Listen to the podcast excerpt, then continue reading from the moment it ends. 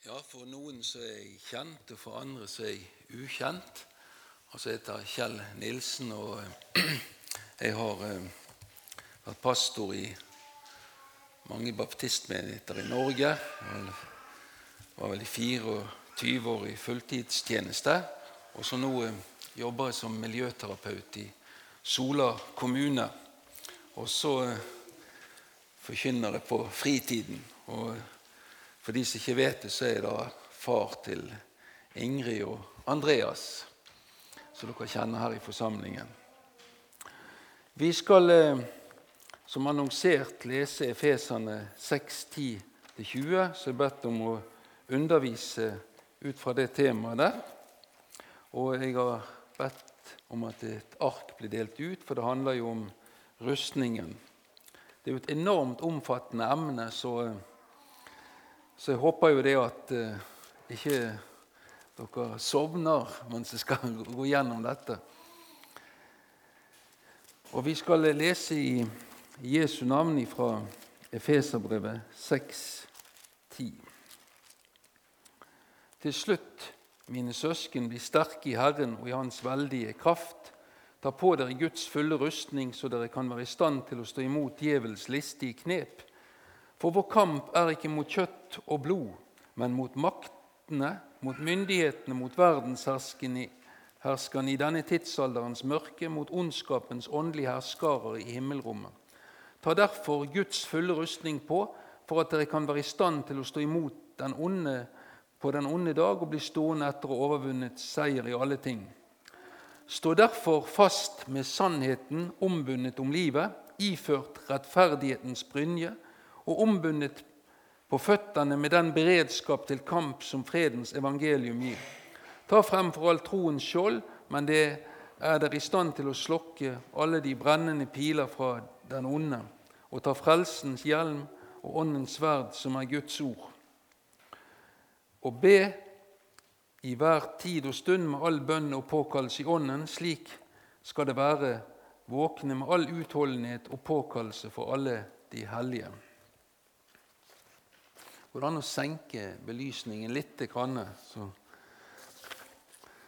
det er kjekt å se de man snakker til. Det å være en kristen det betyr bl.a. å leve i en åndelig krig. Det er en enorm kamp om å erobre menneskets hjerte hver eneste dag. Menneskesinnet bomanderes daglig med ting som vil fylle våre tanker. Å være en kristen det betyr kamp, men også disiplin. Det har jeg erfart gjennom hele livet. Og jeg kunne sagt mye om åndelig kamp, men det som er fokuset her i kveld, det er den åndelige rustningen. Gud vil utruste oss kristne. Hvorfor?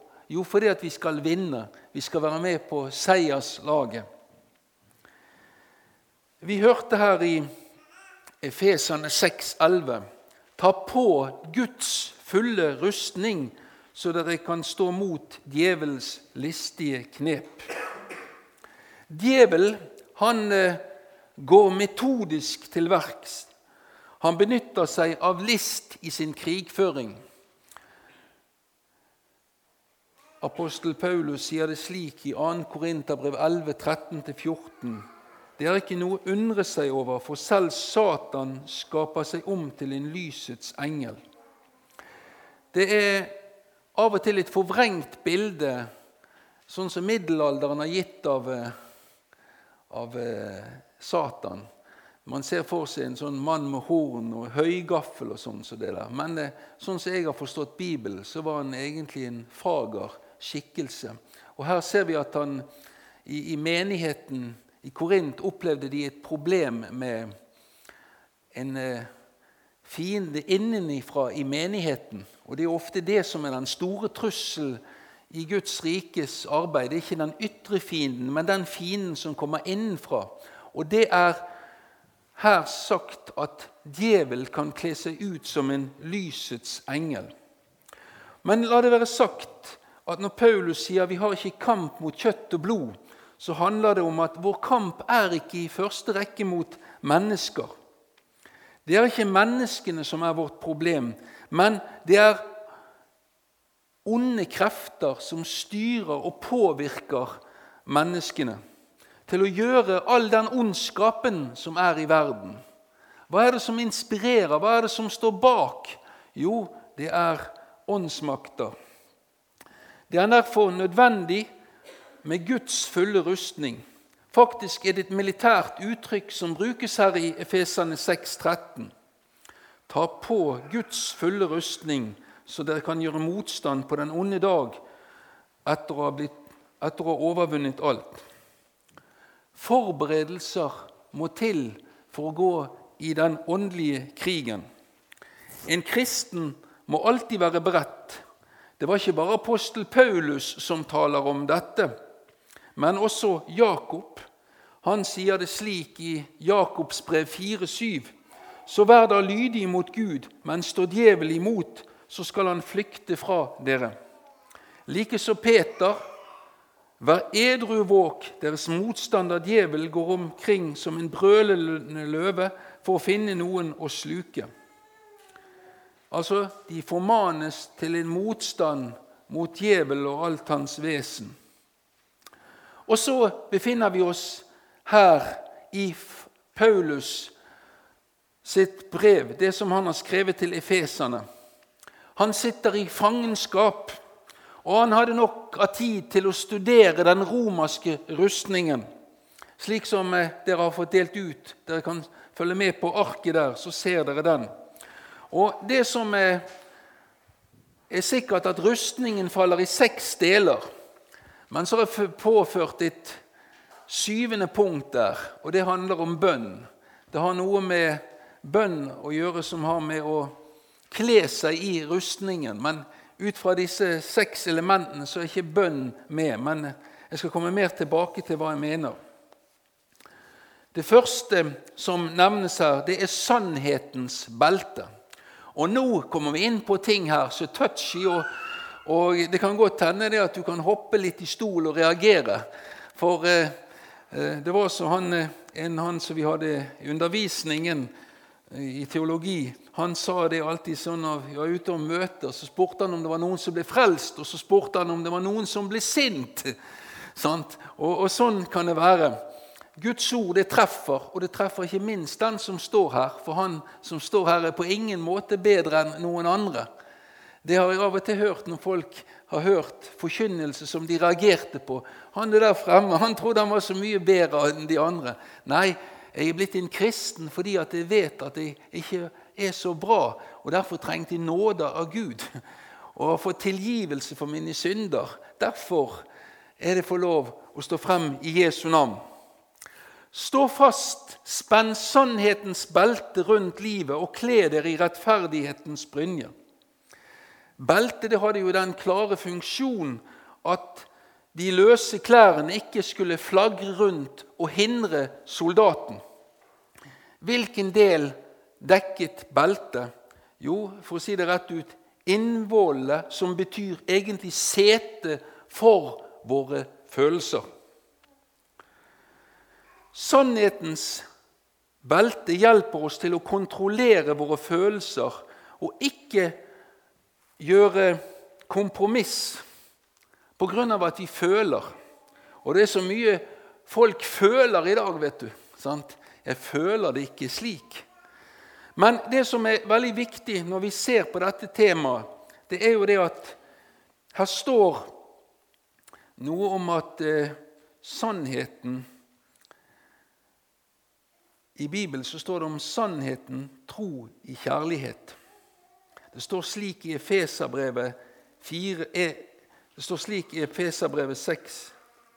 Her står det så skal vi da ikke lenger være umyndige småbarn og ikke la oss kaste hit og drit og drive omkring hver eneste, ved hvert eneste vindpust av en ny lære, så vi blir bytte for menneskers falske spill og listige og forførende knep men vi skal være tro mot sannheten i kjærlighet og i ett og alt vokse opp til Ham som er hodet Kristus.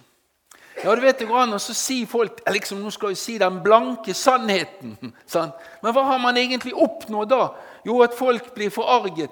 Men her står det at vi skulle ha sannheten i kjærlighet. Altså Man må merke det at det er et godt hjerte som ligger bak. Det er veldig viktig, dette. Og, og Derfor sier jeg det at når vi studerer disse tingene, så er det veldig viktig å være tro mot sannheten i kjærlighet. Jeg husker det at eh, eh, det var omkring 11. september mye snakk om dette at det var en pastor i USA som ville brenne Koranen.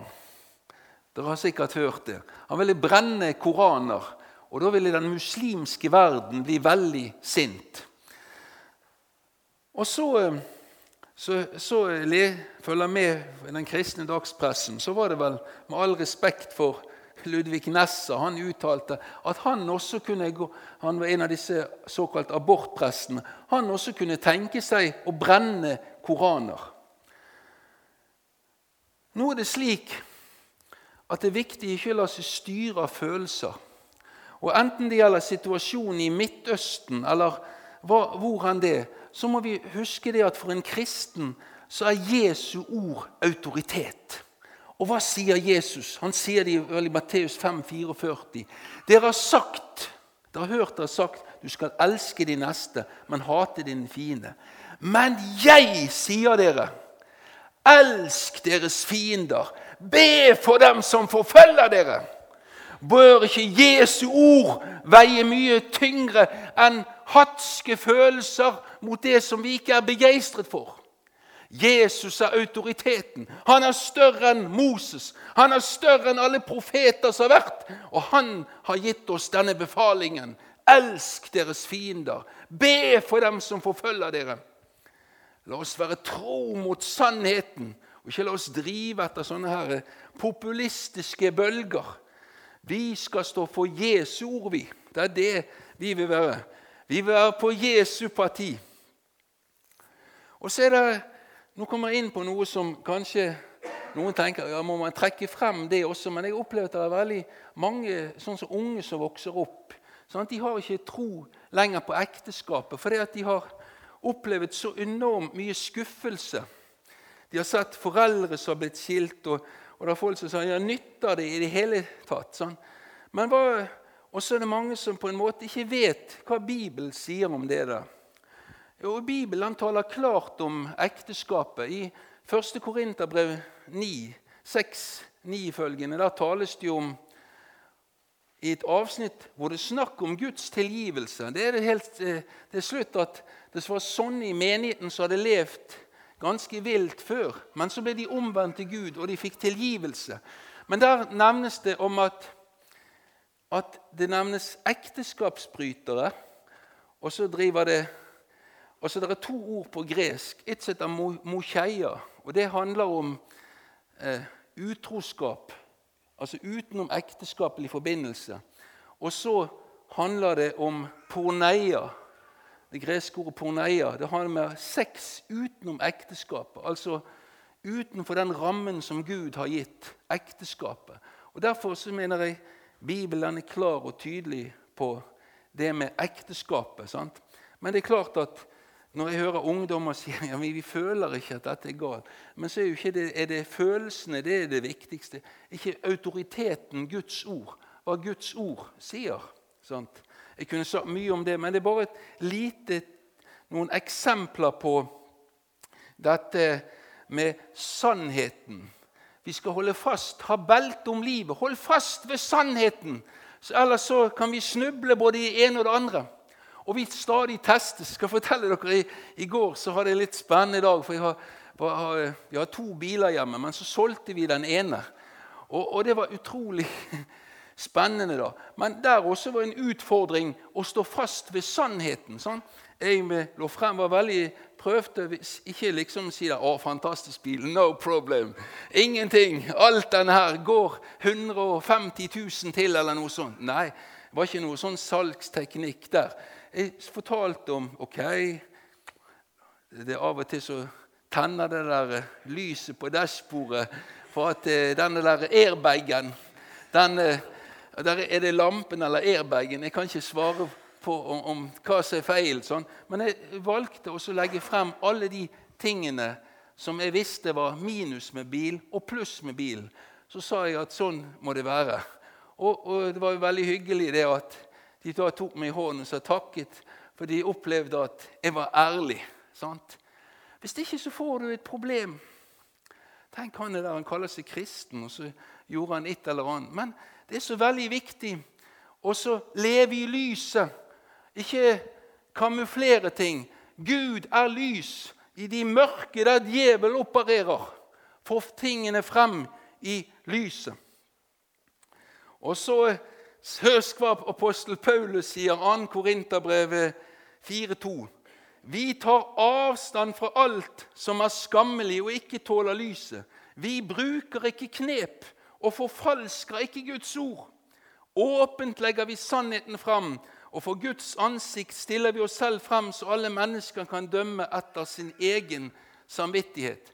Her er det altså ikke noe slik salgsknep. I fjor høst så var vi med og kona vi var i, i eh, Kanariøyene. Og så kom vi der, vet du, sånne her eh, karer som ga seg ut for å komme fra det reisebyrået Apollo som vi reiste med. Ja, da, hvis dere kommer ut på en omvisning her på et hotell, så skal dere få se. Så skal dere få gratis håndduker og alt. Vi bare vise rundt her. Ja, vi hever oss nå på det. Men så viste det seg det at det var, det var sånne her eh, selgere for sånne leiligheter. Og du vet at når vi avslo det der greiene, de var potta sur. Times eh, Share heter det. De var så sur. Og, og, og, det var rett og slett ubehagelig. Men disse her hånddukene og disse her tingene som de lovet vi skulle få, vi fikk de, og de betalte drosjen og alt sånt.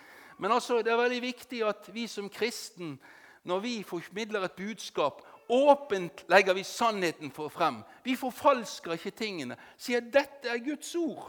Sånn er det. Litt mye tid på det. Neste det er brynjen. Kle dere i rettferdighetens brynje. Den rakk fra halsen til midjen. Tenk på det symbolske som å beskytte ditt hjerte eller din vilje. Og det er mot hjertet den ondes piler er rettet. Kan han ha anklaget oss for å ha gjort noe galt, vil vi få dårlig samvittighet. En kristen med en ren samvittighet er sterk. En sterk kristen.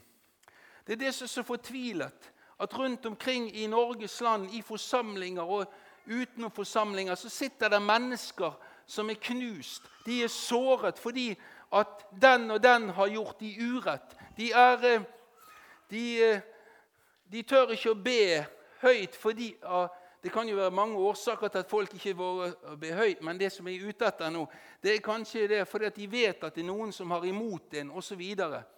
Altså, Det er forskjellige ting som folk på en måte har stoppet opp i livet. Men kjære venner, livet er altfor kort at man kan bruke energi på å sitte fast i sånne blokkeringer. Få fjernet denne blodproppen. Få den vekk i Jesu navn for å tale billig. Sånn, har du gjort urett, har du noen penger du skylder folk, ta og gjør opp. Ta og Snakk ut med mennesker. Bestem deg for å ta et valg. Bevar ditt hjerte fremfor det som bevares kan. For derfra utgår livet, sier, sier, står det i Salomos ordspråk. Og Derfor er det så viktig det også be Gud ransake ditt hjerte for å se om du er på onde veier. Og så har vi dette at vi kan bekjenne våre synder. Dersom vi bekjenner våre synder, så er Han trofast og rettferdig, så Han forlater oss syndene og renser oss fra all urettferdighet. Synsbekjennelse, det gir frihet. Det gir frihet. Tenk at jeg skal få lov å legge alt ned. Og tenk det at det finnes ikke en synd som Gud ikke vil tilgi. I Matteus 12, 31 står det all synd og spott skal bli menneskene forlatt, unntatt spott mot ånden. Og For å koke det hele ned Ingen som har anger i sitt hjerte, har spottet Den hellige ånd. Det er folk som forherder seg mot Guds kall. Men derfor, så når du kjenner at du har gjort noe galt, så rydd opp i det. Rydd opp i det. Men så hører du at folk som har gått, gått gjennom livet 20-30 år, de trakk seg tilbake fra Guds forsamling. De trakk seg tilbake. De har det vondt og vanskelig.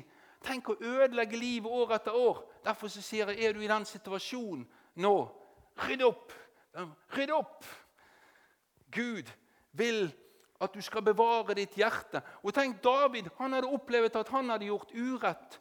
Han hadde vært utro mot sin hustru. Og Han kommer i en dyp nød, og han sier, 'Gud, skap i meg et rent hjerte, og gi meg en ny og stødig ånd.' Og så sier han, 'Se, du vil sannhet i mitt innerste.' Her har vi det. sant?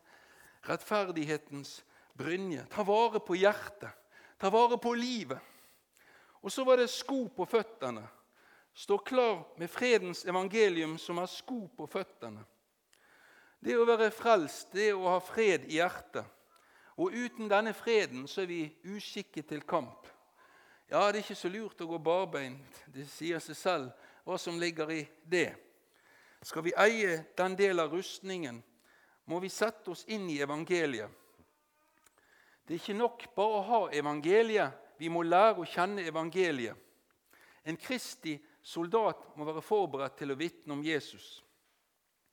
Paulus formaner sin gode venn Timoteus, 2. Tim 4,3.: Forkynn ordet, stå klar i tide og utide, vis det rette, tal til tukt og tal til trøst, med all tålmodighet og iherdig undervisning. Ja, det er viktig å være forberedt. Jeg husker når jeg begynte å studere teologi, så begynte det å bli litt farlig å komme på møter rundt omkring. Plutselig sier du 'Å ja, vi ser han Kjell Arvid er der. Vil du komme frem her og, så avlegge et vitnesbyrd?' Hva i all verden skal jeg si for noe? Hva skal jeg si for noe? tenkte jeg. Og så begynte man det. Og så tenkte jeg ok, du må begynne å planlegge det. Du må begynne å planlegge. Ta Salme 121, den har du i reserve. Jeg løfter mine øyne opp til fjellene. Salme 23, Herren er min hyrde. Og så eh, husker jeg det at I første tiden så måtte jeg skrive opp ting. Ja, Det var så, det var så galt at på de første bønnemøtene Jeg var redd for det at det skulle komme ut av det, at det ble noen flause. Så jeg husker at jeg skulle på bønnemøte, så hadde jeg en sånn lapp. Så skrev jeg ned en bønn. Så hadde den liksom, Alle lå på kne og ba. Så hadde jeg denne lappen og var safe. vet du.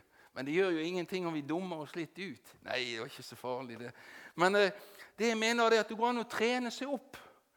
Trening, øvelse og mester. Og Da jeg kom ut som prest, så tenkte jeg at det er fryktelig hvis noen dør. Hva, hva, vil du si til en eh, forsamling hvor det er noen som har mistet en baby? Hva vil du si til noen som opplever at det har vært et trafikkuhell? Hva vil du si når en som har levd med Herren hele livet? Hva vil du si når en som ikke har levd hele livet? Tenk deg, Bare lag noen prekener som er rettet til forskjellige. det. Forkynn Guds ord. Og så får livet til de enkelte stå for seg selv. Men vi må forberede oss. Vi må være klar. Og jeg vet at i tidligere tider var det sånn at folk kunne komme på møtene i mange frikirkelige forsamlinger Så de, vil du innlede. Vil du innlede? Jeg har ikke spøkt det. Jeg husker min far. Han, han sa jeg, jeg vet ikke om jeg tør å gå på møte, for det han er predikanten. Han er farlig. Han sier plutselig 'Nilsen, du må be'. Du må be. Han syntes det var litt skummelt, så han likte å gjemme seg bak en søyle i forsamlingen. Nei, vi, vi, må, vi må gjøre folk trygge. Det er viktig at folk skal gjøre trygge, og at vi ikke skal trampe over respekten for enkeltindividet. Og så fjerde skjoldet. Hold, all, hold alltid troens skjold høyt. Med det kan dere slukke alle den ondes brennende piler. Det romerske skjold var et langt, avlangt trestykke. Når fiendens flammende piler traff det, så boret de seg inn i tre og sluknet. Det skjoldet kunne ikke tennes i brann av fiendens piler. Vår tro er en beskyttelse. For alt som er født av Gud, seirer over verden. Og som har, det som har seiret over verden, er vår tro. Vi har en kraft i oss til å utholde angrepene som verden kommer med.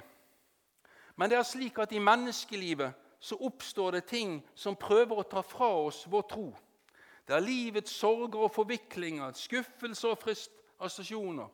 Det skytes ut. Den onde skyter stadig sånne Hamas-raketter rett inn i forsamlingen.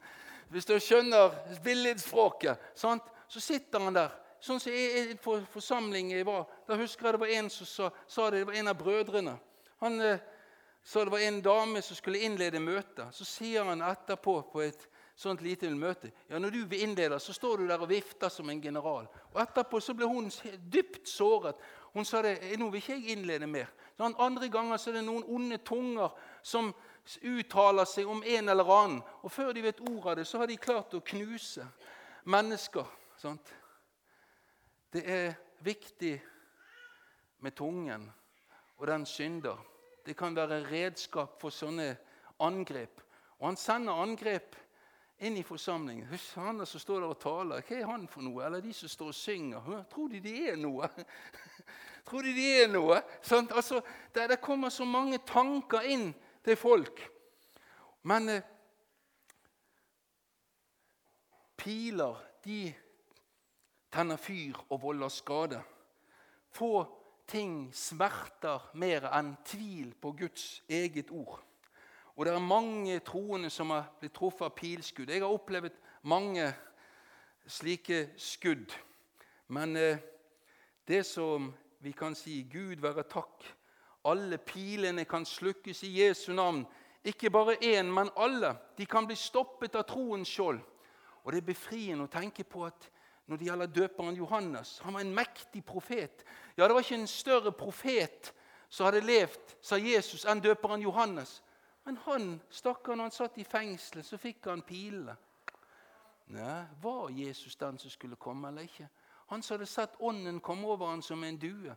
Han som hadde talt med sånn autoritet. Skammel og svekket, så ser han der. Og da hadde Jesus sier han en veldig oppmuntring. Gå og fortell at lammet blir helbredet, blinde får sitt syn, osv. Og det som er så viktig, det er å vite det som står i Romane 10, 17. Troen kommer av forkynnelsen. De gamle sa hørelsen. Det er så viktig med Guds ords forkynnelse. Jeg har veldig sans for at vi har det sosialt sammen som kristne. Jeg er glad i pizza og kirkekaffe og alt dette. Fantastisk. Fantastisk at vi kan ha det godt sammen. Men vær klar over det at eh, vi må ikke få fremelske en light kristen versjon. Og det å tro at kristenlivet kan bare leves på sanger og stemninger og, og sånn hipp og hopp. Sant? Men, eh, og jeg, er fullstendig klar over det at, at, eh, at, det er viktig å komme i kontakt med mennesker. Derfor er det jo mange ting man bruker, kafé eller slike ting som dette. her. Men det er viktig at det ikke bare blir søtsuppe i Guds forsamling, men at vi må ha tid til forkynnelse av Guds ord. Og Jeg pleier å si det, jeg gjerne sa det forrige gang, at det er mange sånne her, eh, folk i dag som har et usunt kosthold. sant? Det er nesten bare sånn Kvikk Lunsj og sånne der eh, Dolly-greier. Bare sånne helt lettvinte greier. Men skal du ha god ernæring, så må du spise brød med fiber. Du må ha ha en skikkelig opplegg sant, for å ivareta helsen. Og fordi at eh, Hvis ikke så svekkes vi. Og Derfor er det så viktig men som kristne at ikke vi bare blir sånne Kvikk Lunsj-kristne. Sånne injection i et møte, og så er det ingenting mer. Til slutt så vil man dø. Og Derfor er det så viktig dø åndelig sett. Derfor så må vi ha undervisning i Guds ord. Hva sier Herrens ord? Troens skjold. Sant? Føler du deg fordømt, svarer du bare med Roman 81. Det er ingen fordømmelse for den som er i Jesus. Hvem kan anklage den Gud har utvalgt? Tar du skjoldet, tar du parerer de, og så tar du de onde pilene, og så kanskje gjorde du en tabbe. Du sa, du sa noe du ikke ville sagt. Du såret folk. Vi kan gjøre sånn stadig vekk. Ok, hva sier Guds ord? Bekjenn. sant? Bekjenn. Bekjenn syndene. Be om forlatelse. Du ute av fangenskapet med en gang. Men skal folk vite veien ut av fangenskapet, så må Guds ord forkynnes. Det må frem. Og du skjønner, De, så, de verdslige de har skjønt dette her, fordi de vil ikke ha forkynnelse i vi. De vil ikke ha forkynnelse i skoler. De skal ikke ha forkynnelse noen steder. For det at troen kommer av forkynnelsen. Derfor så vil jeg oppmuntre alle menigheter og forsamlinger Forkynn Guds ord. Kutt ikke ned på det. Ellers får vi en sånn light-versjon som bare blåser vekk av det minste stormkast. Styrke i ordet. Eh, det er så viktig å være sterk i ordet. Jeg må bare fortelle det også at du vet, I dag så er det liksom en sånn trend at det skal være så tøft å være ateist. og liksom Vi som kristne vi skal være liksom for å si, Men det er da ateisme. Hva er det egentlig for noe? De har, for det første så har jo de tro på at alt er blitt til ved en eksplosjon. Jeg vet noen erfaringer at Når noe eksploderer, da blir jo alt ødelagt. og nå Plutselig skal de også tro at, at når alt eksploderer, så blir alt så flott. Og så har de ingen forklaring på hvorfor det er en feil med menneskene som gjør så mye ondt. Hva er det som kan få en leder til å sende millioner inn i konsentrasjonsleirer? De har ikke noe svar på dette. Hvorfor dør vi? Er det Hvorfor lever vi? Hvorfor, hvorfor er vi konstruert sånn som vi er? De har ikke noe svar. Altså, De har intet å fare med, men det de har, de har frekkhet og de har mot. Og skal vi kunne stå imot dette, så må vi ikle oss Guds fulle rustning og stå imot disse angrepene. Jeg vet hvem jeg tror på. Og som vi sang ofte på søndagsskolen før Våg å stå som Daniel. Det er gutter, det. Og så var det denne her med hjelmen, da. Ta imot frelsens hjelm. I 1. Tessalonika 5,8 står det håp om frelse som hjelm. Når du tok imot Jesus så ble du ikledd frelsens hjelm. Hjelmen den beskytter i alle slag. Og den kristne frelse gir oss håp i alle situasjoner. Hva med dem som har fått en uhelbredelig sykdom? Hva med tapet av at man er glad av en man er glad i? Uansett hvilken situasjon vi opplever, så har Bibelen løftet til oss. Frelsens hjelm, sa den gamle Forkynneren Bjerkreim han hjelper oss til å holde hodet klart. Oi, oi, så mange fristelser og tilbud der er.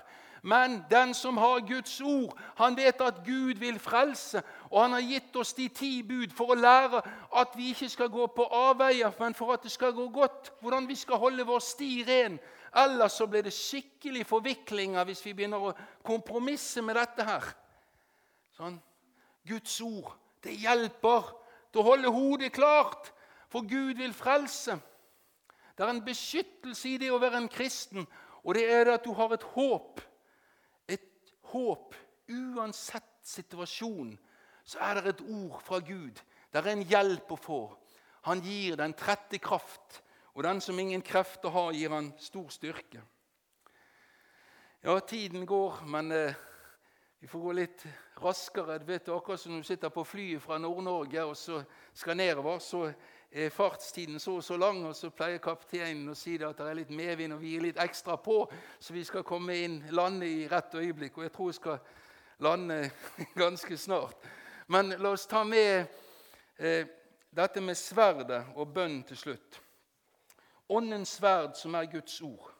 Sverdet det er et offensivt våpen Ånden er ikke sverdet, men den kristne kan bli brukt av Den hellige ånd. Åndens sverd er Guds ord. Grip tak i bibelordet og bruk det. I Hebreabrevet 4,12 står det Guds ord er levende og virke og skarpere enn noe tveegget sverd. Det trenger gjennom til de kløver sjel og ånd, marg og bein, og dømmer hjertets tanker og planer. Det går rett inn det er noen som sier det at ja, ja, dere som kristne dere er så dømmende. Har dere hørt det? Dere er jo så dømmende. Ja, vi skal ikke dømme, men eh, vi kan gi folk Guds ord. Men det er skarpe saker. Det går rett inn. Og vil du bli brukt av Gud, så la Ånden bruke ordet. Det er hans sverd. Mennesker fødes på ny ved Guds levende ord. Og så kan vi både ha kirkekaffe, og så kan noen folk de vil ha drama, og andre vil ha annen under... Men vi skal være vokt, vokte oss, og det er min forståelse, mot en slags underholdningskristendom, hvor vi ikke gir menneskene Guds ord, fordi at eh, folk blir frelst ved ord. Det er Guds ordet som dømmer hjertet og ser. Jeg må til Jesus. Jeg må ha det evige liv. Derfor så er det er lett å gi folk surrogater. Men Gi dem det levende Guds ordet, for det er det som er virkekraftig og dømmer hjertets tanker og planer. Og da blir det omført til omvendelse og gjenfødelse. Ja, De gamle sa når mennesker bøyde seg, ja, kom de gjennom til et nytt liv i Gud. De var vekket av Guds ord, og det er Guds ord også som må vekkes i dag. Vi kan ha trompeter, vi kan ha all slags neonlys og alt mulig dette her, men det gir ikke vekkelse. Jeg ser når det er vekkelse Har du hørt om en vekkelse uten bønn? Det var bønn, nød, og så bringe ordet. Og så står det i 1. Peter 1,23.: For dere er født på ny, ikke av forgjengelig sæd, men av uforgjengelig ved Guds levende ord, som er og blir. Guds ordet fikk også Satan til å forlate Jesus. Det er ordet, ved ordet vi berges mot djevels løgn og fristelser. Og så til slutt det syvende, som dere ser der bønn. Gjør dette i bønn, og legg alt fram for Gud. Be alltid i ånd, våk og hold ut i bønn for alle de hellige. Bønnen er viktig for en kristen. Hvorfor er den ikke en del av rustningen, da?